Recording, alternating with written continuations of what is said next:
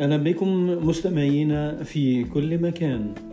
الرجل لا يكتشف ضعف المرأة إلا وهي عاشقة له ولا يكتشف عقلها إلا وهي رافضة له ولا يكتشف قلبها إلا وهي مهتمة به ولا يكتشف قوتها إلا بعد أن تقف صامدة بعد أن خذرها وكسر خاطرها ولا يكتشف قيمتها إلا بعد أن تصبح غير قابلة للتعويض. اكتبوا لي وقولوا لي هل هذا حقيقة أم لا. شكرا لكم وشكرا لحسن الاستماع. وإلى لقاء في حلقة قادمة إن شاء الله.